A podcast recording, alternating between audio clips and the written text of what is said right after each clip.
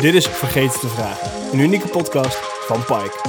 Dit zijn Marlon Ja, en Miranda. dat is prima. Ja, daar zijn we weer. Yes. En drie in plaats van twee. Ja, ook dat. Het is gelukt. Ja. Vorige aflevering zei ik, nou, als we geluk hebben, wil Daan misschien wel aansluiten, maar hij weet het nog niet zeker.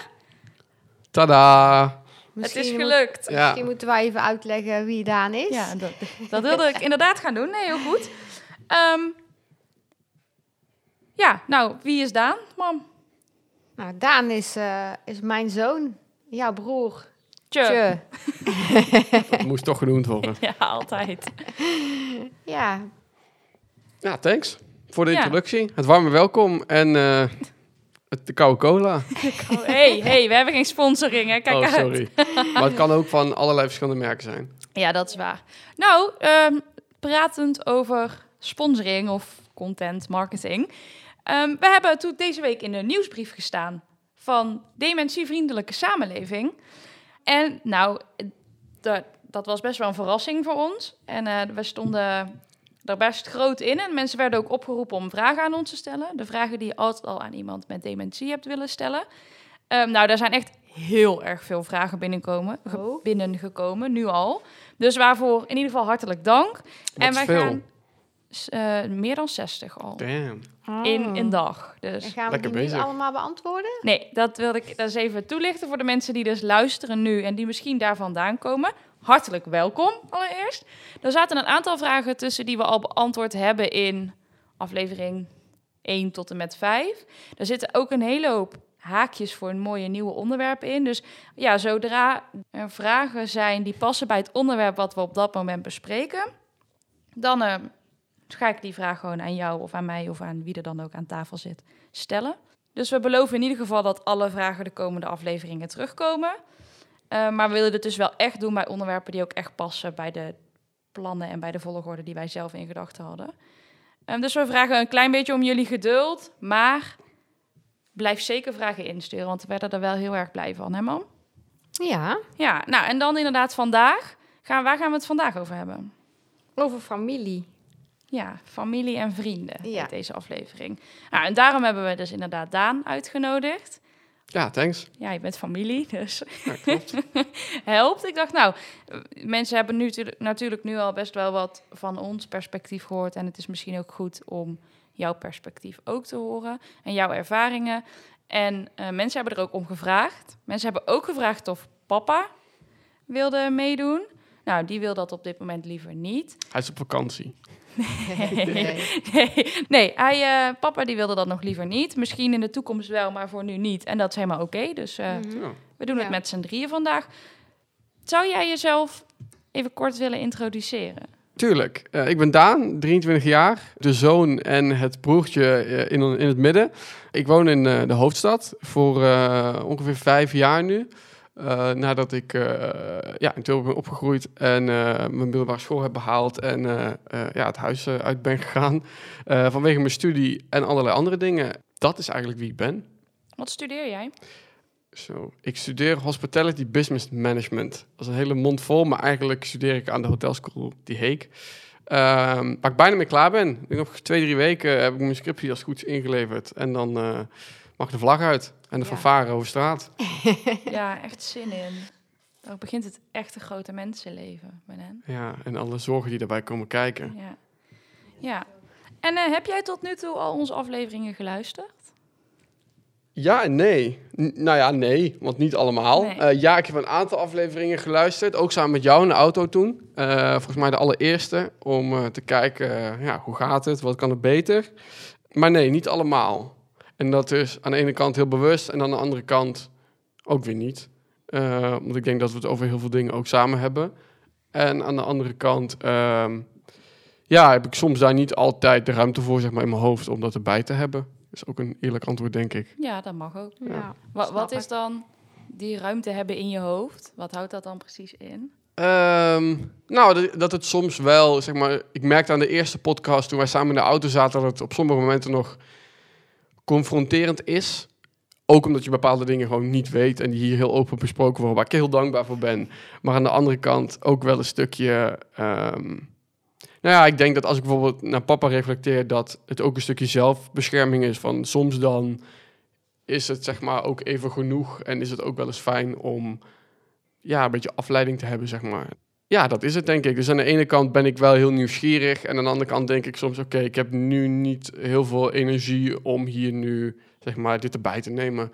En ik denk dat als ik eh, mijn schoolstress voorbij is en eh, alle andere dingen die daarbij komen kijken, dat ik daar eh, ja, iets meer ruimte en tijd voor heb in mijn hoofd, zeg maar. Ja, en je wil dat dan misschien ook gewoon met aandacht en liefde kunnen beluisteren, toch? Dat hoor ik jou dan een klein beetje zeggen. Dat Ja. je dus de energie wil hebben om daar dus met aandacht en liefde en dat is ook er echt naar te kunnen luisteren in plaats van...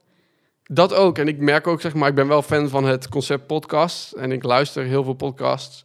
Eh, en ik merk eigenlijk dat het voor mij een stukje is. Ik zit in de trein of eh, op de fiets. Ehm, en dat zijn, vind ik, niet de momenten om, om dit te luisteren, zeg maar. Ehm, vind ik zelf. En als iemand dat wel doet, nou hoop ik dat je een goede reis hebt. Ehm, maar ja, ik merk zelf dat dat niet voor mij de momenten zijn, omdat er voor mij een iets andere emotionele lading in zit Ja. dan voor iemand anders. Ehm, dus ik moet daar wel gewoon mijn moment voor kiezen en gewoon op de bank gaan zitten of zo.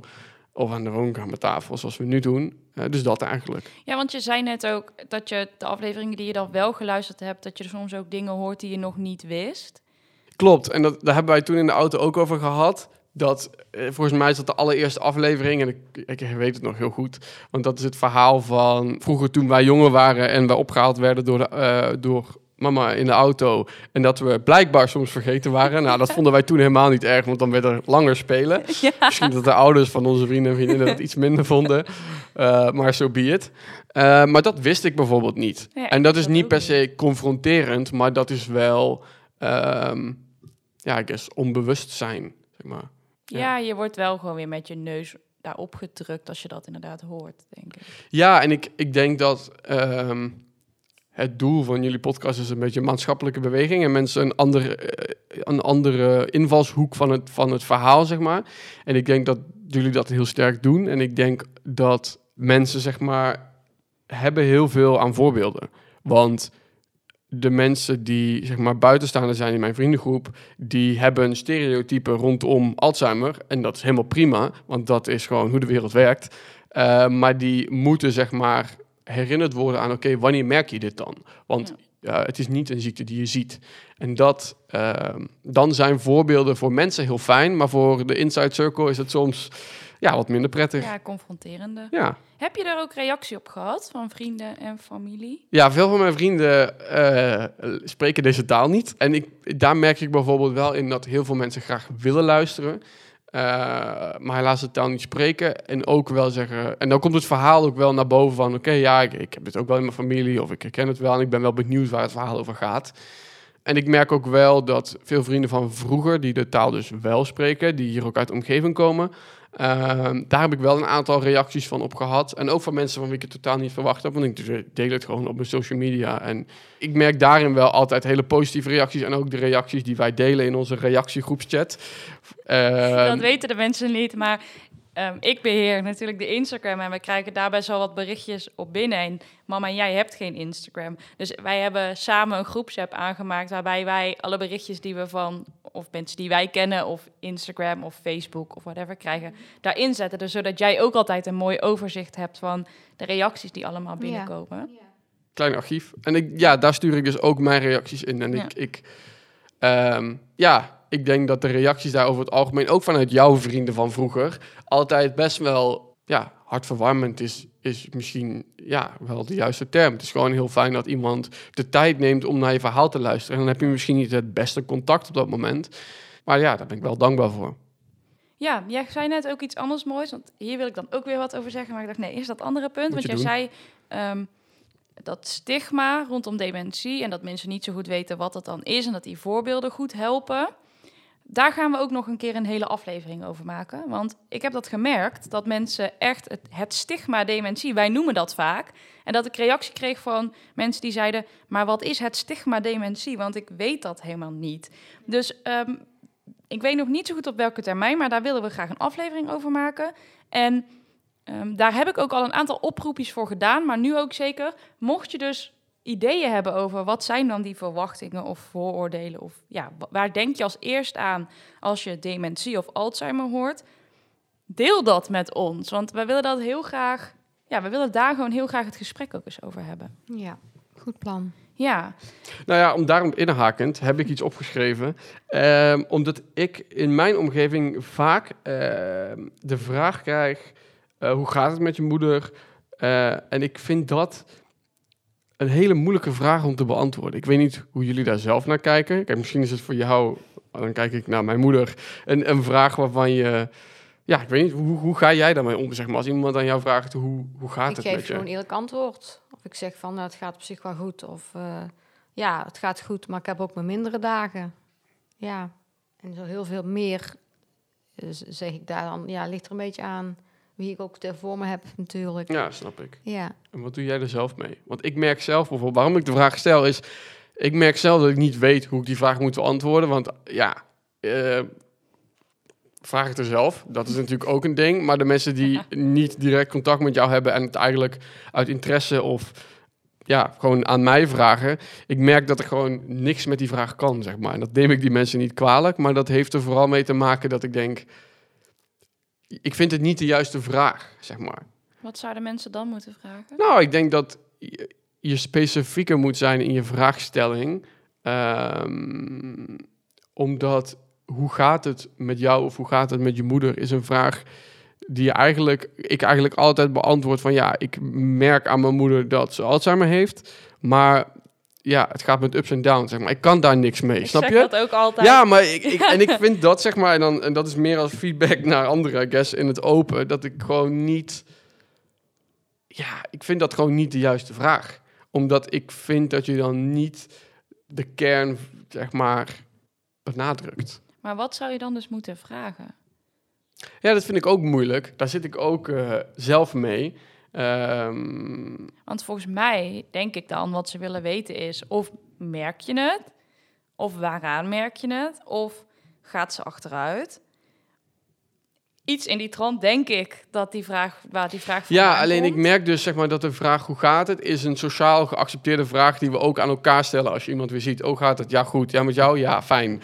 Zeg maar dat, dat, dat, dat het is te oppervlakkig zeg maar. En ik denk dat de dingen die jij benoemt daarin beter zijn. En ik, ik, ik geef geen afkeur tegen de mensen die het vragen, maar ik, ik, ik denk dat als je het is meer een tip, denk ik, dat als luisteraar als je in de omgeving van iemand en je wil die interesse tonen, Ehm, dat je beter specifiek kan zijn in je vraagstelling dan een globale vraag. Want anders vraag je het, je vraagt het om het te vragen en het gevraagd te hebben. En niet per se om er misschien een inhoudelijk gesprek over te hebben, terwijl je dat wel, ehm, terwijl dat wel misschien de achterliggende gedachte is.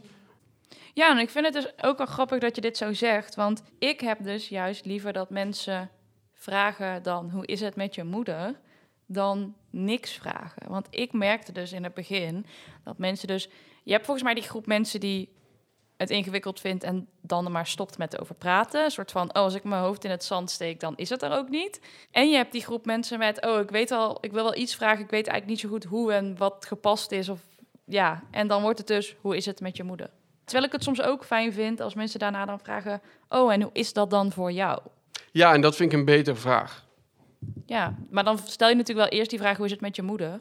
Maar ja, volgens mij is wat ik jou hoor zeggen: Ben concreter. Of vraag, vraag misschien ook niet aan mij hoe zij zich voelt, want weet ik veel. Ja. En als je het echte gesprek wil hebben, dan is het beter te vragen hoe het met mij zou gaan of met jou zou gaan. Omdat je dan, ja, dan heb je er als vriend, zeg maar, haal je er meer waarde uit. Want wij kunnen wel praten over hoe onze moeder ons voelt terwijl ze er niet bij is. Maar dat maakt het voor ons niet beter. Maar als iemand aan ons vraagt, oké, maar hoe gaat het dan met jou? Is het denk ik vriendschappelijk ook een hele andere vraag met een hele interessante lading. En dat is ook, ik merk dan aan mezelf wel, als ik de vraag bijvoorbeeld stel aan vrienden in mijn omgeving. Ik heb bijvoorbeeld een van mijn betere vrienden in mijn vriendengroep, die in eenzelfde soort situatie zit. Maar zijn moeder is, is, is ouder, tien jaar ouder. En wij hebben het er af en toe wel eens over, maar ik merk zeg maar, dat als ik hem een specifiekere vraag stel, dat hij er meer waarde aan hecht. En ik er zelf ook meer voldoening uit haal dan dat ik zeg, ja, hoe gaat het nou met je moeder? Zegt, ja, ik heb het twee weken niet of een maand niet gezien. Ja, ik weet het niet. Ja, Ja. dan dat, zeg, snap En je? dan is het gesprek ook klaar. Ja, Ja. Mam, als jij dit allemaal zo hoort, wat denk jij dan? Het maakt me eigenlijk niet, zo uit, niet zoveel uit hoe ze het vragen, als ze maar gewoon wel vragen hoe gaat het met je. En dat ze dan inderdaad gewoon aan mij vragen en niet aan degene die dan toevallig direct naast me zit, bijvoorbeeld mijn zoon of mijn dochter of ander iemand die zeg maar nabij is. Ja. ja, ik vind ook, dat is namelijk een paar keer gebeurd, dat mensen dat, waar jij bij was aan mij vroegen hoe het met jou ging. Ja, Heel raar, maar goed. ja, is dan, ja dan, Ja, maar ik denk dat dat ook een soort angst is om het direct te vragen aan, dezelf, Ja. aan de persoon zelf. Omdat dat... Ik zou daar ook denk ik wel moeite mee hebben. En ik zou het dan niet aan de zoon, dochter of vader, of, of vader, vrouw vragen, of man, ehm, eh, van. Dan zou ik het gewoon niet vragen. Ja, precies, dat is dan die andere groep. Ja, daar Ja. zou ik onderdeel van zijn. Maar ik kan me heel goed voorstellen dat iemand denkt... oké, ik vind het wel moeilijk om nu aan iemand te vragen... die ziek is, hoe gaat het met je? Of hoe voel je je? Of zeg maar dat. Ja, want hoe voelt het als mensen het dus dan niet vragen? nou, dan voelt het meer van ze weten dat ik ziek ben en ze lopen voorbij en ze negeren je gewoon. Terwijl het heel simpel is en wat ik zelf dan wel zou doen, van ja, het is, het is ook best moeilijk inderdaad soms om het aan iemand te vragen. Maar ja, ik zeg dan, ik denk dan bij mezelf, vraag het toch maar wel. Ja. Want ik kan altijd zeggen van nou, ik vind het moeilijk, eh, doe maar even niet. Bij wijze van spreken. Ja. ja, dat mag ook gewoon, lijkt me. Maar als ik tegen jullie zeg, we gaan het hebben over vrienden en familie. Zijn er dan nog andere dingen die direct naar boven komen? Bijvoorbeeld bij jou, mama? Vrienden en familie, ja, daar- daar zijn het eh, vrienden en familie. Ja, maar ook gewoon. Er kunnen ook mensen in je omgeving zijn die geen vrienden of vrienden, geen familie zijn, maar die wel veel voor je betekenen. Een soort betrokkenen. Toch? Ja. Ja, wat is dan een voorbeeld daarvan? Nou, kijk maar naar, met naar het wandelen. De wandelclub. De bedoel je? wandelclub, sowieso. En waar denk jij aan als ik aan jou, tegen jou zeg, nou, we gaan een aflevering maken over vrienden en familie? Ik vind dat altijd een moeilijk onderwerp. Ehm, aan de ene kant denk ik dat ik dan heel veel betrokkenheid zie. En aan de andere kant ook weer niet. Ehm, en ik denk dat ehm, als ik het over onze familie heb, dus wij met z'n vieren zeg maar als gezin, dan denk ik dat er heel veel betrokkenen zijn en heel veel mensen waar iedereen individueel of samen heel veel waarde aan hecht of een goede band mee heeft. En die band is misschien ook wel sterker geworden met sommige mensen. Eh, en met anderen ook niet. En dat hoort er denk ik een beetje bij. Binnen het Eh, gezin of binnen de hele familie? nou, binnen eh, de hele familie. Ja, precies. Ja, En vrienden. ja en ik denk Ja. dat als ik het op mezelf betrek, dat het een gelijkwaardig is.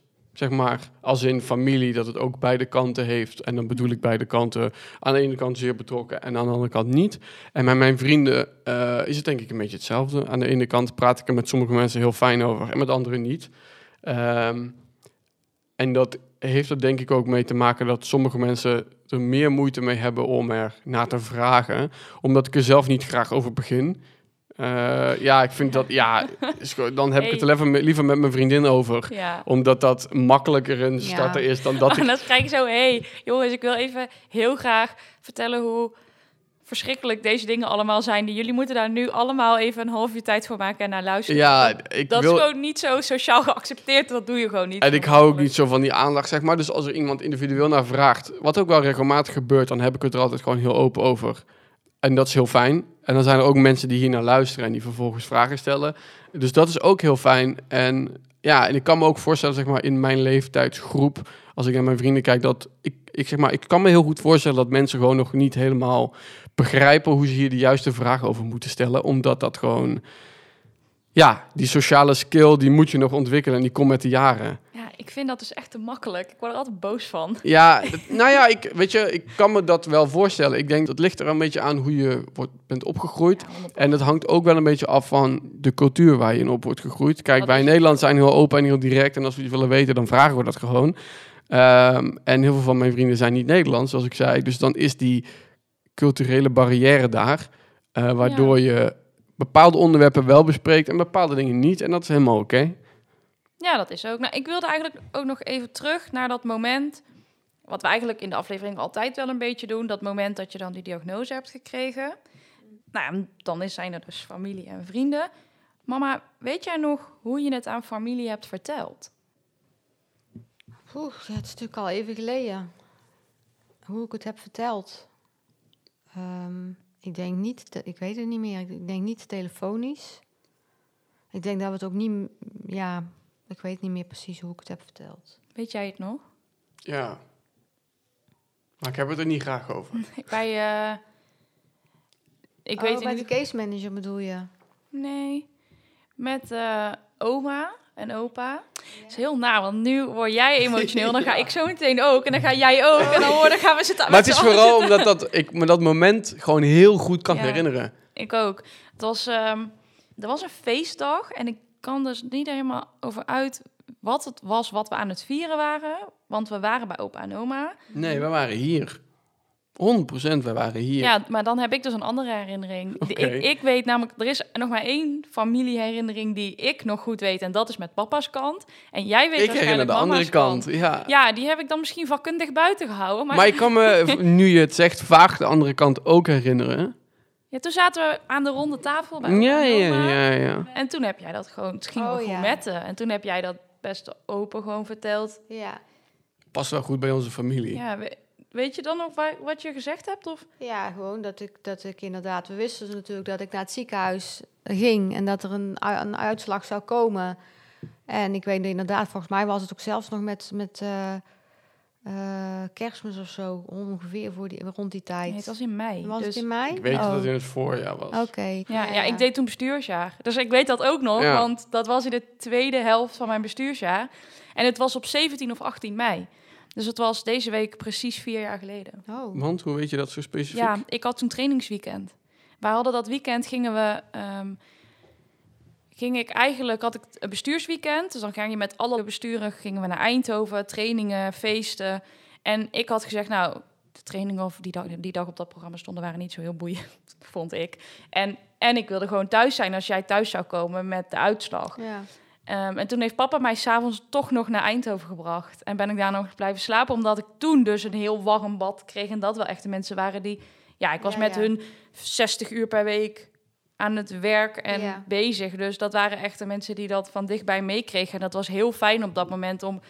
Ja, ook meteen even met iets anders bezig te zijn of zo. Maar ook met mensen zijn die dat dus niet uit de weg gingen. Dus ik weet nog dat ik in Eindhoven aankwam en dat zij allemaal naar mij toe kwamen. En dat ze gewoon allemaal volgens mij ook emotioneel waren of moesten huilen. En we hadden ook diezelfde middag kregen wij nog een bos bloemen die zij hadden gestuurd. Gewoon ja, ja. dat soort kleine warm. dingen die Ja. gewoon echt het verschil maakten. ja. Ik Dus- heb datzelfde. Ik kan me ook nog heel goed herinneren dat ik die avond naar twee vrienden met wie ik toen heel goed contact had, en met één niet meer en de ander nu een heel klein beetje, eh, dat wij gewoon heel de avond eh, zijn gaan gamen, lekker mannelijk. ja, ja. Eh, en dat we het er wel gewoon over gehad hebben, heel nuchter, met z'n drieën.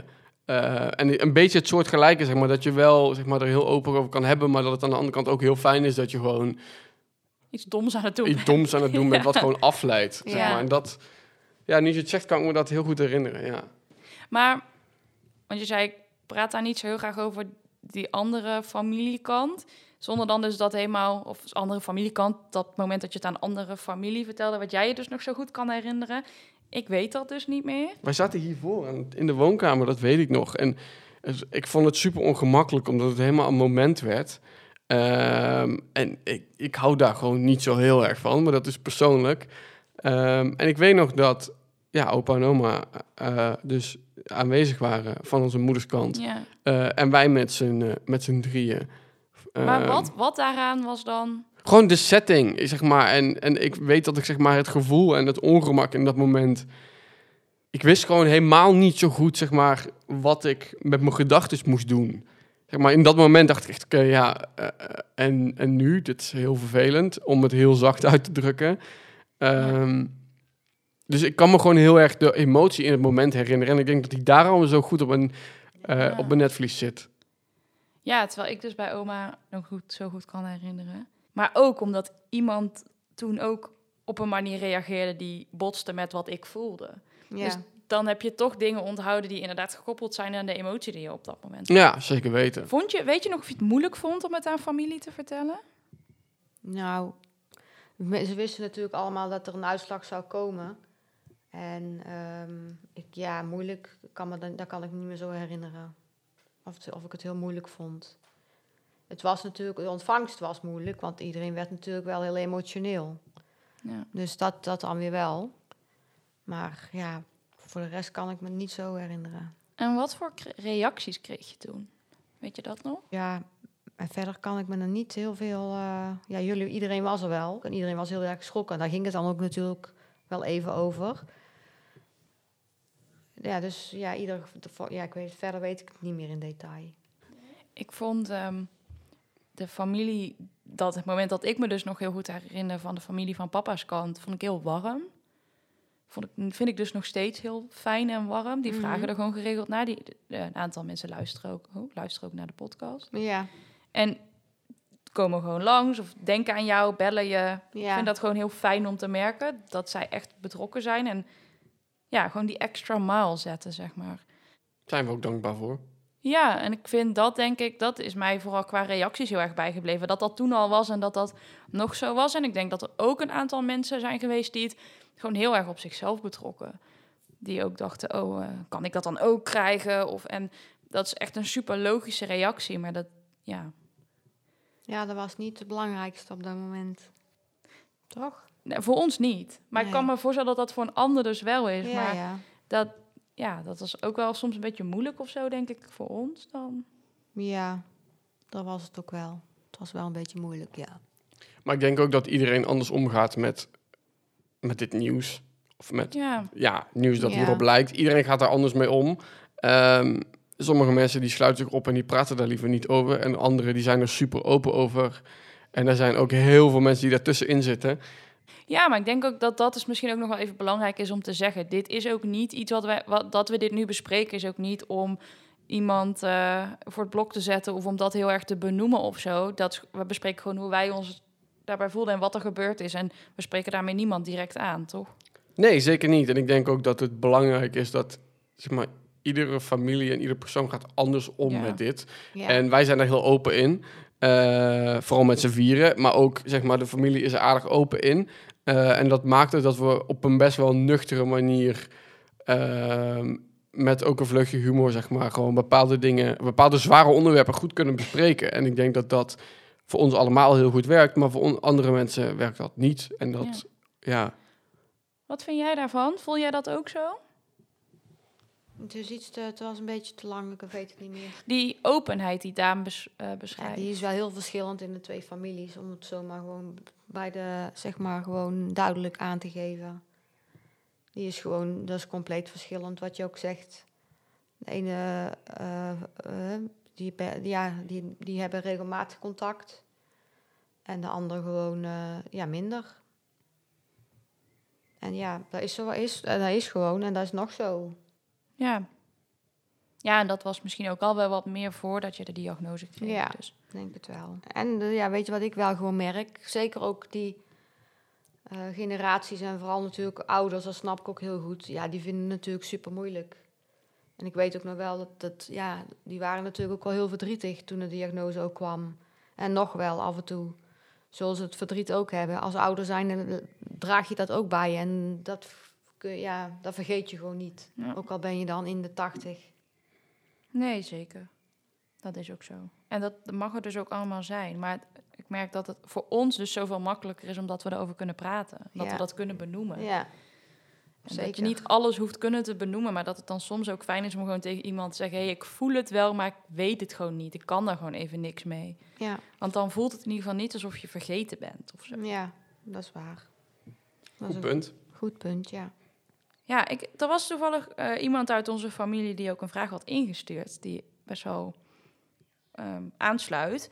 En die vroeg van, hoe was het dan voor jouw mama om na de diagnose bij mensen op bezoek te gaan?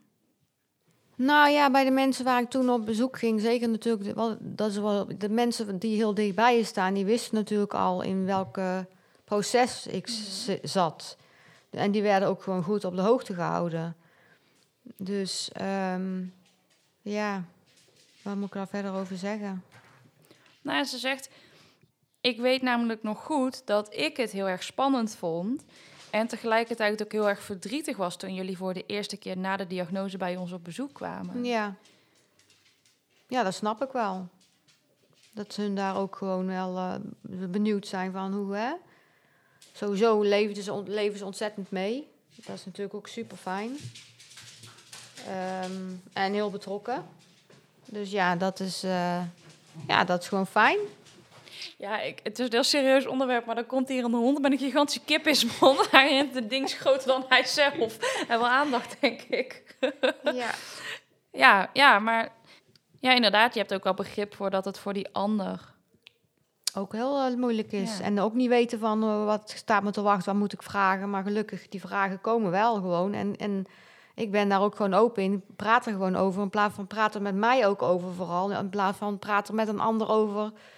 Dat ik het dan wel achteraf nog hoor van... God, Ja. eh, dat ook weer liever niet. Gewoon praat er met mij over. Ja, en hoe was dat voor jou? Die eerste keer op bezoek gaan bij familie. Ehm, nou, de eerste keer kan ik me heel goed hier herinneren, maar dat is het moment dat het verteld werd. En dan de tweede keer, daar heb jij een hele actieve herinnering aan en ik wat minder. En ik denk dat ik daarna eigenlijk, ja, daar niet per se ehm, dat heel moeilijk vond. Nee, ik ook niet. Maar dat, dat komt denk ik ook omdat. ehm, er werd mij ook niks gevraagd daarover. En eh, zeg maar dat ik specifiek weet.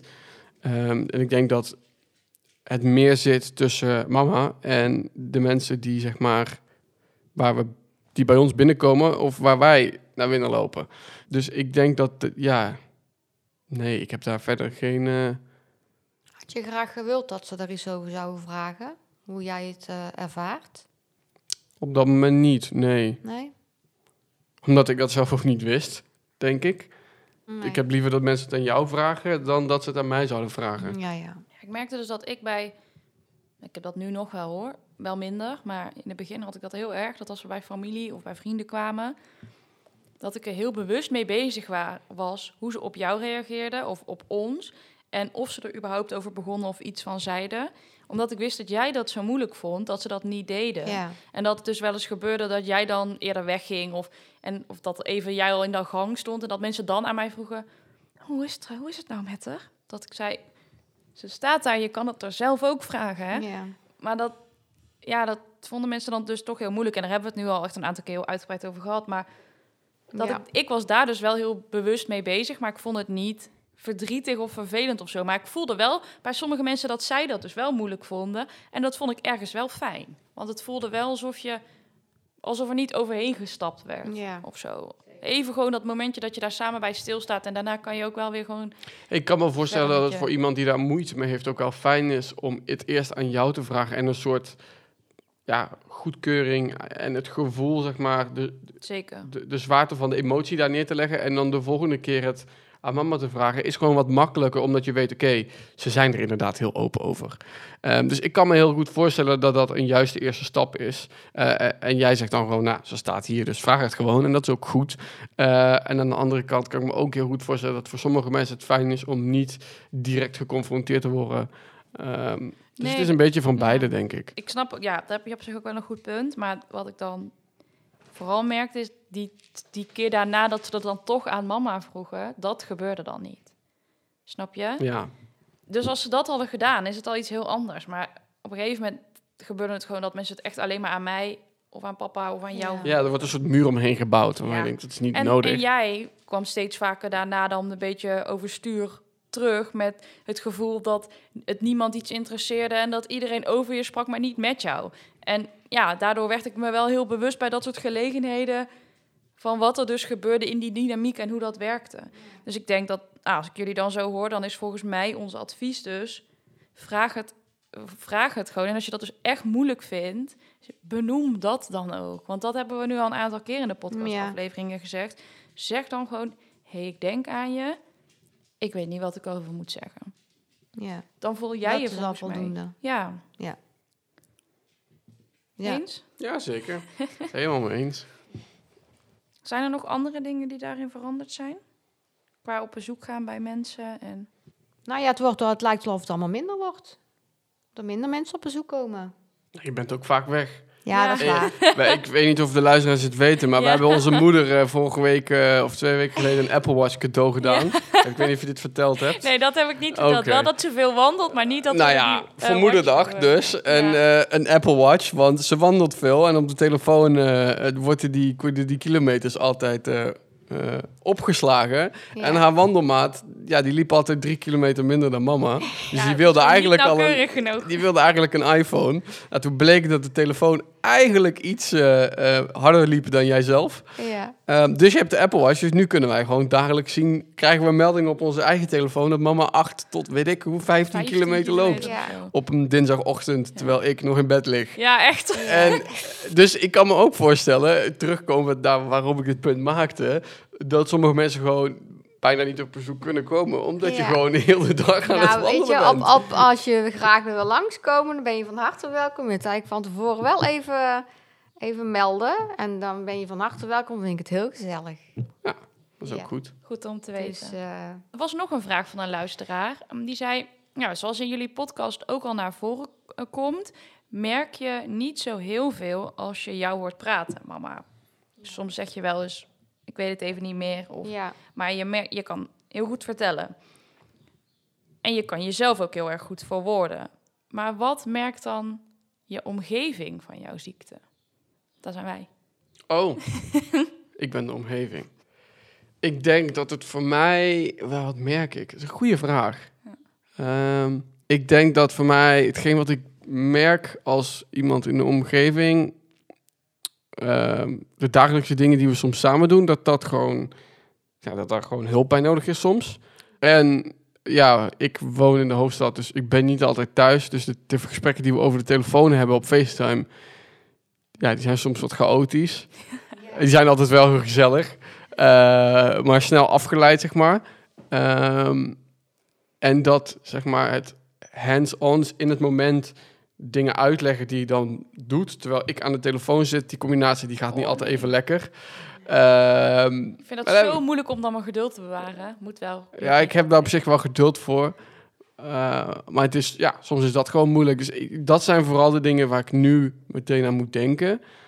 Ja, ik weet niet of jij zelf Ik iets vind hebt. het echt heel nice dat jij zo antwoord kan geven op deze vraag. Ik vind dit dus heel spannend, merk ik altijd. Als mensen mij dit soort vragen stellen en jij bent erbij... en om dan te vertellen wat ik merk aan dat jij dementie hebt... Ik vind Ja. dat, ik weet niet, ik heb altijd het gevoel dat ik jou dan confronteer met dingen of zo. ja, dat, is- dat zal ook best. Maar zal best gebeuren, maar niet, niet de, ene keer misschien wat meer dan de andere keer. Maar wat vind je er dan moeilijk aan? Nou ja, als ik dus dan denk aan wat ik dan merk van mama's ziekte... dan is het inderdaad wel wat jij zegt tijdens een telefoongesprek... en dat chaotische gewoon ook in huis en gewoon met dingen regelen... en gewoon dat je heel duidelijk en stapsgewijs moet zijn. Dus dat je veel explicieter wordt ook in je communicatie. Maar ik merk het ook aan ehm, gewoon hoe jij bent. Je bent eh, de afgelopen jaren gewoon een stukje ondeugender geworden. ja, je dit lachje. Oh, echt? Losser? ja, Ja. echt wel losser en... Er kan meer. Is ook ja, het juiste Er antwoord. kan meer, maar het is ook wel echt een stukje karakter of zo. En ja, het is, Is een het goed ding. positief? Ja, je bent, Oh. je bent geen chagrijnig zeurpiet geworden, dus ik vind het prima. Nee, dat hoor ik, al, hoor ik wel vaker. Maar wat vind je er dan zelf van om dat te horen, zeg maar, wat wij zeggen? Dat ik, eh, dat ik niet ongezellig ben. Nou, dat je dus verandert en dat, dat we dat merken tijdens een telefoongesprek of als we dingen moeten regelen. Ah, als jullie dat benoemen, dan vind ik dat wel weer even lastig. Maar ja, het voordeel is dat ik dat over drie, twee, eh, een, over een half uur of nog eerder wel weer vergeten ben. Ja, dat is het voordeel. En soms eh, dan... eh, Het is wel de humor die ja, we hier aan tafel echt hebben. heerlijk. ja, en, en, en ja, soms tuurlijk vind ik het ook wel eens lastig. Ja, en, dan, en als jullie dan komen, ja, kijk er heel erg naar uit. Dus ik vind het superleuk eh nu al dat jullie samen dan hierheen komen. Dat we proberen inderdaad om de, in de weekenden zoveel mogelijk wel, eh, als het kan, en dan moeten we niet eh, overdrijven, want als het niet kan, is het ook een keer goed. Dan is het ook prima. Een keer, hè? Nee, Niet nee, te nee, vaak. nee, nee, nee, nee, maar dan, dan, dan is het ook oké. Maar dat vind ik op zich wel heel leuk, dat we nu wel... Want ja, het, het is bellen en het is dan in het weekend... Nu, hè, de laatste weekenden, laatste paar weekenden was het dan regelmatig dat jullie, ja, dat jullie hier zijn. Ja, dat vind ik dan wel... dat- Ja, weet je, als ouder zijn heb je je kinderen gewoon het liefst bij je. Als ja. Ik hoor leeg nestsyndroom, hoor jij het ook? ja, zeker. ik heb nog steeds het lege nest-syndroom. Ik, kan er niet, ik kan er nog steeds niet aan wennen. Gewoon het, ook dat ik, ik merk, ik loop ook do- gewoon door van even nog dit, oh ja, moet kijken, even vragen. Ja, dat, dat doe ik dan niet, om half ik stelt uit. Ja, Je dat, kan dat- altijd ik, bellen hoor. Ik merk dat, dat, dat vind, ik vind het nog steeds heel moeilijk. Dus eh, ja, het gemis blijft. En ik had gehoopt dat dat, wat- maar dat is niet. Het wordt niet minder. Het wordt niet minder. Maar ja, dat is alleen maar positief. Ja, we zijn wel leuk, Ja, blijkbaar. leuk genoeg. ja. Ja, ik had nog een, een lijstje met vragen van luisteraars meer aan jou en mij, Daan. Ehm, bijvoorbeeld, waar werden wij door verrast? Want je hebt een bepaald beeld bij dementie. En wat aan dat populaire beeld van dementie klopt nou niet als je het meemaakt als kind van iemand met dementie? Ik denk dat het stereotype waar eh, ik, zeg maar, wat in mijn hoofd, wat ook wel eens vaak gevraagd wordt aan mij, is zeg maar, mensen vragen ook, ja, in welke fase zit je moeder dan? Ja, eh, weet ik veel. ja, hallo. ja, geen idee, zeg maar. En ik vind dat heel moeilijk. En ik heb, dat vind ik een heel erg stereotype, dat mensen denken dat Alzheimer in fases gaat, maar ik wist eigenlijk vanaf dag één al dat het of vanaf dag één helemaal ruk wordt en dan ruk blijft, of dat het super stabiel, eh, zeg maar, eh, eh, of een heel, met kleine stapjes, zeg maar, minder wordt. Of dat het een hele lange tijd goed is en het dan ineens een duik neemt. Dus ja, dat is een vraag die kan je niet beantwoorden, vind ik. En dat, dit is ook iedere keer het antwoord wat ik Ja. geef. Dus ik denk dat dat een stereotype is wat ik zelf vaak meemaak. En ik had zelf op dat moment heel eerlijk gezegd geen... Nou, die heb je altijd, want je hebt altijd eh, eh, een stereotype. Maar ik kan me niet herinneren wat mijn stereotype was voor Alzheimer. Dus ik vind het heel moeilijk om daar iets over te zeggen. Ja. Ik weet niet of jij zelf iets hebt, maar dat is zeg maar, hetgeen wat ik nu zei, is het enige eigenlijk wat in mijn hoofd opkomt. Ja, ik denk dat ik... Ik wist er dus al wel wat meer van. En ik zou ook nu niet zo heel goed kunnen zeggen waar ik nou echt door verrast werd. Vooral door gewoon wat mensen allemaal niet weten en hoe voor zo'n grote ziekte er dus nog relatief weinig bij de maatschappij bekend is. Maar echt iets concreets waar ik bij door verrast ben bij mama. I don't know. Heb je wel eens een irritatie of een rotgevoel als mama weer iets vergeet of raar doet? Vroeg iemand. Nee. Nee, dat is niet omdat mama hier nu aan tafel zit. Eh, nee, eigenlijk niet. Ik heb wel, eh, dit is een hele andere, maar het is een bruggetje. Eh, ik heb wel, zeg maar, back in 2018, toen zeg maar de diagnose bekend werd, toen werkte ik als teamleider bij Albert Heijn. En toen heb ik de eerste weken wel echt, kwamen er zeg maar klanten binnenlopen en dan was er een schap leeg en dan werd er stampij gemaakt dat het schap leeg was en dat ik gewoon echt tegen die vrouw zei, waar maak je je druk om? Ja, er zijn echt wel ergere dingen dan een pak rijst dat we niet op voorraad hebben. Ja. Dus ik merkte daarin wel, en, en ik, ik heb, volgens mij ben ik, heb ik dat één keer echt actief gezegd. En daarna heb ik dat altijd heel netjes kunnen wegstoppen. Eh, maar dat vond ik wel altijd echt. eh, dat, dat, en dat heb ik nog steeds wel hoor. En dat is ook een vraag die ik straks voor jullie heb. Ja, Maar dus dan is het niet zozeer irritatie voor iets wat mama doet, maar gewoon irritatie in dingen die je bij andere mensen in het dagelijks leven tegenkomt, omdat je dit nu voelt en meemaakt. Ja, en dat was toen de emotie waarvan ik echt dacht: oké, wat, waarom maak je je druk om? En nu, ik denk dat jij daar iets actiever in bent dan ik, in zeg maar het, het sociale stukje dementie en zeg maar de maatschappij. En gewoon kunnen zeggen: oké, dit is niet dementievriendelijk. Of, of dit, hier vind ik X of Y van. Ehm, omdat ik daar gewoon iets minder mee bezig ben en gewoon, ja, zeg maar, het is niet mijn studie, snap je? En die van Ja. jou wel. Ja, nee, snap ik. Ja, ik heb dat dus wel soms hoor. Niet als mama, ja, wel als irritatie als ik dan denk, ehm, met name als ik moe ben en dan gewoon voel dat ik een wat korter lontje of zo heb. En als het dan dus niet lukt om jou iets goed uit te leggen als je me belt of ergens mee te helpen, dan word ik altijd wel een beetje geïrriteerd. En dan word ik eerst geïrriteerd omdat ik het irritant vind dat, jij het dan, dat het dan niet lukt. Maar ik word daarna eigenlijk altijd bozer op mezelf, omdat ik dan op dat moment niet het geduld kon opbrengen, terwijl ik gewoon weet dat jij daar niks aan kan doen. En ik bel jou volgens mij daarna ook altijd op om sorry te zeggen. En 9 van de 10 keer ben je het daarna dus ook. Dan zeg je, oh ja, is goed. is niet erg hoor. Ja, dat is.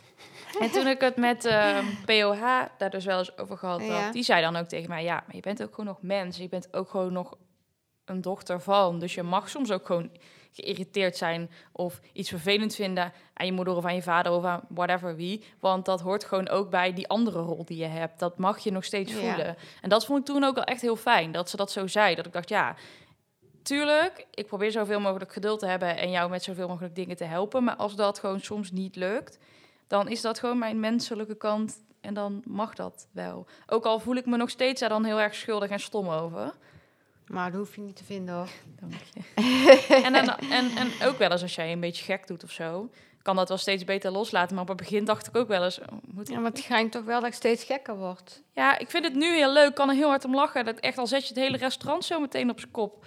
Zal, weet je wel. Wij hebben het in ieder geval leuk. Ja. En toen ook in Finland met die sneeuwwandelingen. Dat jij die gids compleet... Ja, ik had, het, eh, ik had het afgelopen dinsdag ook bij de KBO. Van, zo, jij ging goed los. ik heb jou nog nooit meegemaakt, zo.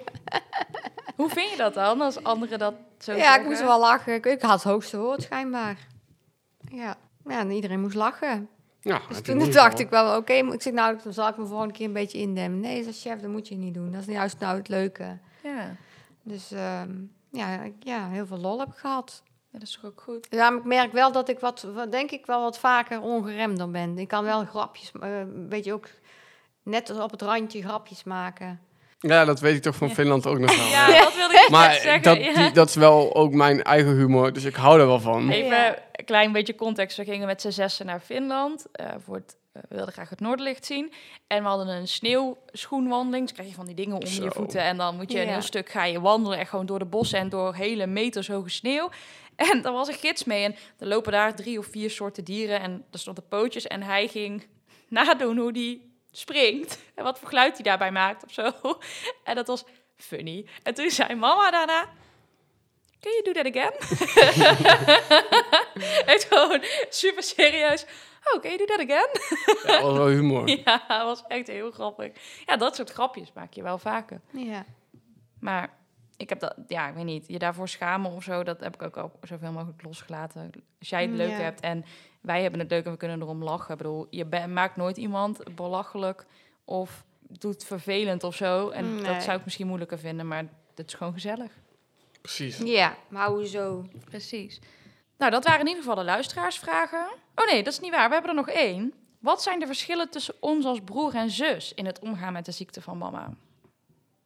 Nou, je hebt wel vragen te pakken hoor vandaag. Ja, Ja, misschien moeten we die vraag aan mama stellen. ja mam.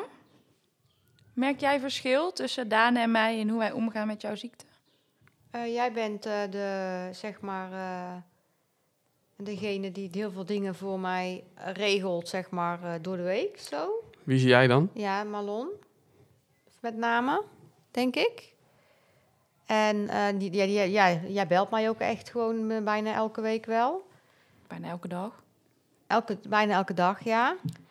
En Daan is gewoon eh, ja, een beetje het, eh, ja, hoe moet ik uitleggen? Het, eh, het praktische en, en het gezellige inderdaad. Gewoon, eh, ehm, ja, hij belt trouwens ook wel regelmatig. En met FaceTime, dat doen we ook wel eens. Dus ja, heel veel verschillen.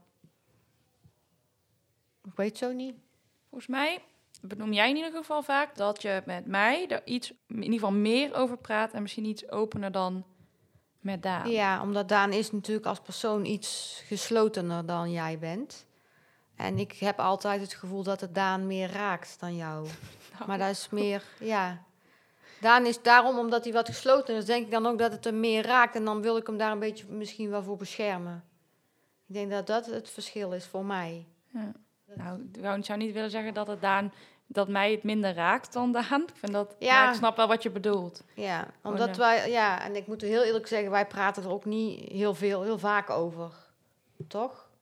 Als jij bij mij bent, echt over Nou ja, nu doen we dit. Dus nu, ja, nu zijn we gewoon podcastafleveringen over al die onderwerpen aan het Ja. opnemen. Dus dan hebben we het er wel meer over. En ook in die voorbereiding. En dan vraag ik jou soms ook wel wat andere dingen. En ja.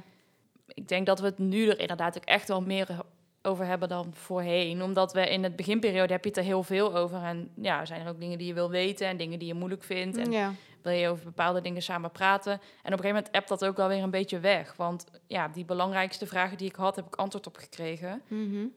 En ik vraag het je nog steeds wel eens hoor, of je verdrietig bent of Ja. hoe je je voelt. Of, maar wel minder. Ik vind dat ook geen vraag. Ja, ik zou dat ook niet iedere week. Nee, dat hoeft ook want dan meld ik me wel. Ja, Meestal als, als er vervelende dingen zijn, dan, dan, die kan ik dan toch wel onthouden vaak. dus ja, dan, dan, meld, dan meld ik het wel. ja. Ja. Wil jij daar nog iets aan toevoegen? Ja, weet ik niet. Ik denk dat, ehm, dat wat mama zegt best wel waar is. Dat, ja, jij iets meer betrokken bent en daar iets meer leidend. Ehm, en ik weet niet of ik er zelf dan meer emotie aan heb of het moeilijker vind. Maar ik weet van mezelf dat praten over emoties gewoon niet echt eh, een, een, een pluspunt is op mijn cv, zeg maar. Om het maar praktisch te benoemen. Eh, dus ik ben daarin ook wel gewoon praktischer. Dat weet ik ook van mezelf. Dus ja, dat eigenlijk. Ja, terwijl ik... Dat, er is een periode geweest dat ik wel gewoon echt wel wat meer deed en jij wel meer afstand had. Dus ook minder kwam en dat je het gewoon volgens mij ook wat lastiger vond. Daar hebben we toen ook wel eens over gehad. Ja, dat klopt. En toen heb ik ook wel eens heel bewust tegen jou gezegd... hé, hey, maar ik denk wel dat het belangrijk is om dat je... En dan, dan krijg je iets meer mee over hoe, hoe het ook voor mij is en hoe het voor papa 100%, is. Daar hebben ja. wij het toen heel erg over gehad. Dat ik zei, ja, omdat ik merkte dat ik altijd dan de zorgdingen, de, de- ja, jou hielp. En als Daan dan één keer in de maand kwam, nou dan was echt, dan hing nog net niet de vlag uit. Speciaal kind, hè? Nee, Ja, maar ik en de- dat heb ik toen volgens mij ook een keer tegen jou gezegd. Zo van, hey, ik, en ik neem jou dat ook, ik, ik neem dat dan verder niemand kwalijk, maar dat ik zei, daarmee heb je dan misschien niet altijd in de gaten welke dingen er ook allemaal nog bij je horen. En dat vond ik toen best wel moeilijk. En dat hebben we ook gewoon heel eerlijk met elkaar besproken. En ik heb ook wel het gevoel dat sinds toen jij ook inderdaad wel regelmatiger kwam en dat we ook veel meer dingen samen doen. En elkaar helpen bij die praktische... Ja, en ik denk dat het vooral het ding is, zeg maar, ik heb destijds een tussenjaar gehad en daarna ben ik gaan studeren en moest ik intern gaan wonen en dat was best wel heftig. Ah ja, heftig als in, kostte gewoon veel tijd. Ja. Vervolgens ben ik een half jaar naar het buitenland gegaan. Eh, ja, en dan creëer je wel een soort afstand. Eh, Ik ben heel blij dat jullie allebei geweest zijn. Ehm, maar ja, dus dat, dat creëert wel een soort afstand. En vervolgens gingen we een soort pandemie in. Ehm, waar ik zeg maar alleen in het noorden zat en ook ja, gewoon soms niet naar huis kon, simpel zat. Ja. Ehm, en dat is geen excuus, maar ik merkte daarin wel, ja, daar hebben we het ook gewoon open over gehad, zeg maar. Ja, ik vond dat ook echt fijn. Dat, dat is ook, ik vond dat ook best wel spannend om dan tegen jou te zeggen of ook te moeten benoemen wat ik dan merk aan jou en mama of wat ik voel of hoe dat dan thuis gaat. Maar dat nu wel het gevoel heb dat we daar veel meer in balans in zijn. Dat iedereen wel echt ook zijn bijdrage levert en dat we het nog meer samen doen. Ja. Ja, ja zeker. Ja, mijn, mandel, mijn wandelmaatje die zegt altijd als jij mij dan belt... Jij hebt wel zulke lieve kinderen. Zie je nou wel, nou belt ze, bellen ze toch weer. En ze komen toch maar helemaal naar Tilburg. Ik vind dat wel heel lief, zegt hij dan. Je hebt echt wel heel goede kinderen. Ja. Die kan je in je zak steken. Vind ik echt Dankjewel. een hele goede afsluiter voor de vragen die ik nog verder had. ja. Ik vroeg me af, mama, of jij nog dingen had die je van ons wil weten of met ons wil bespreken. Volgens mij, volgens mij niet. Kijk, ik spiek nog even gauw op mijn lijstje. Ja, fijn dat, er, dat jullie bijna wekelijks komen, ondanks de afstand. En eh, dat ik daar gewoon heel erg naar uitkijk. Is er nog iets, Daan, wat jij... eh, Ja, ik heb nog wel iets opgeschreven. Ik had eigenlijk eh, twee dingen. Die hebben we al behandeld. Ik heb nog één ding over. En ik ben eigenlijk wel benieuwd bij jou, Marlon, wat er voor jou zeg maar, in je levensvisie veranderd is. Hele andere vraag. Maar ik merk aan om, om een bruggetje, of in ieder geval Ja, om nou, het dat uit te. Ik merk aan mezelf dat ik bijvoorbeeld veel minder naar de toekomst kijk. Wat me gewoon niet interesseert.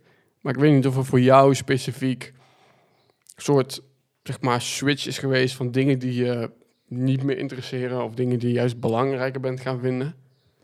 Ja, ik geniet wel meer nu ook inderdaad. Ik heb dat ook al een keer tijdens een aflevering gezegd, dat ik meer uit eten ga, meer leuke dingen doe en echt nog wel een beetje sparen ook, maar wel echt aanzienlijk minder, omdat inderdaad dat hele voor later idee, daarvan denk ik wel, ja, je weet gewoon niet hoe lang later duurt.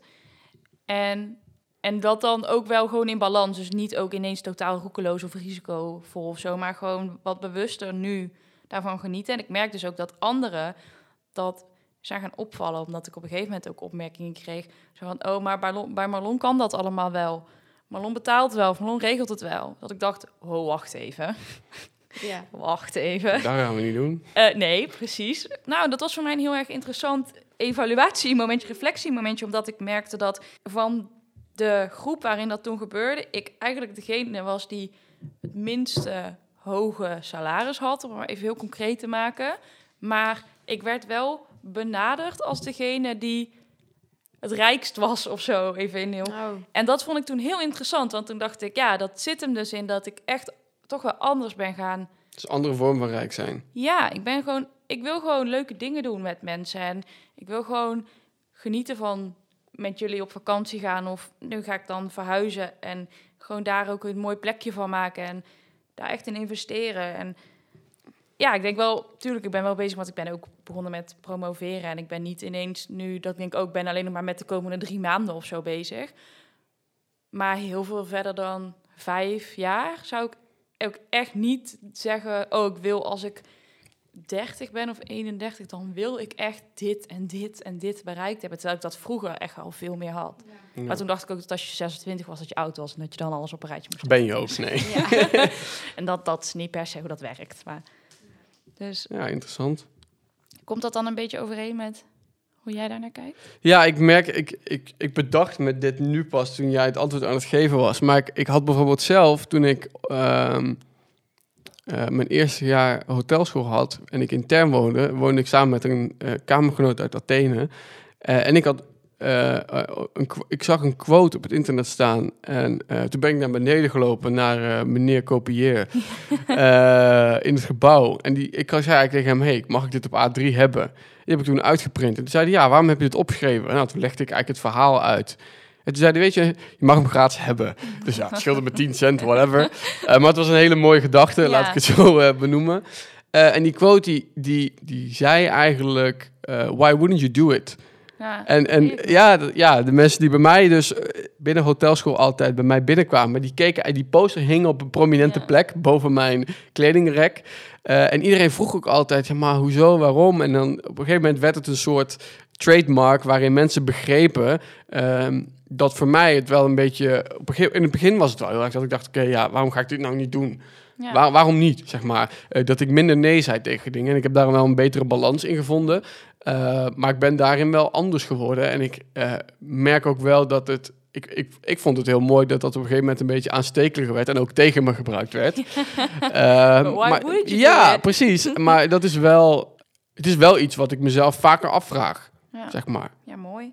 Ja. Ja, dat eigenlijk. Misschien is dat dan dus ook wel ons advies, want daarmee sluiten we toch al vaak af. Het advies wat we misschien andere mensen willen meegeven in eenzelfde situatie. Ja. Wacht er ook niet op totdat je in deze situatie zit als je luistert en je eh, Ja. om dit ook te gaan doen, denk ik. Ik denk dat, eh, ja, why wouldn't you do it? Toch? Ja, precies. Je kunt er Ehm, alleen maar van leren. Mee eens. Precies. Ik vond dit echt heel erg leuk om dit samen met jou ook te doen, Daan. Ja, thanks Vooral- voor de uitnodiging. Ja, graag gedaan. Maar En de omdat ik merkte dat jij ook wel echt een beetje, ehm, ook als op sommige stukken de lead nam in dit gesprek. Het is ook echt een hele lange aflevering geworden, veel Ja. langer dan we normaal Je zit hebben. ook met de tijd. om Ja, te ik bel zo dat restaurant wel, komt wel goed. We zijn gewoon Ja, al we laat. Ze moeten blij zijn Ja, dat we komen. laat eten, joh. Nee, komt goed. Maar ehm, ja, en, en eigenlijk hebben we het voor mijn gevoel veel meer over familie gehad dan over vrienden. Maar dat is misschien ook prima. En als mensen toch nog iets willen weten, kunnen ze het ons vragen. Misschien komen we er nog wel een keer op terug. Ik heb inderdaad eh, vrienden die ik wel heel graag, ehm, die ik uiteindelijk wel eigenlijk ook wel willen betrekken. Want het is natuurlijk niet alleen familie, er zijn ook veel veel vrienden die sinds de diagnose met mij gewoon eh, heel veel betekenen en ook heel veel eh, begrip tonen en vaak ook een situatie kennen, ook uit hun eigen ehm, Omgeving. omgeving. Dus ja. Nou, dan denk ik dat de conclusie is dat we het daar nog een keer over gaan hebben. Ehm, ik weet nog niet of dat de volgende keer is. Maar eh, mocht je iets van ons willen weten, vergeten te vragen. De Instagram kun je een berichtje sturen. Of mailen naar info.vergetentevragen.nl. En tot over twee weken. Mazzel. Tot we dan. De groetjes weer. Doei!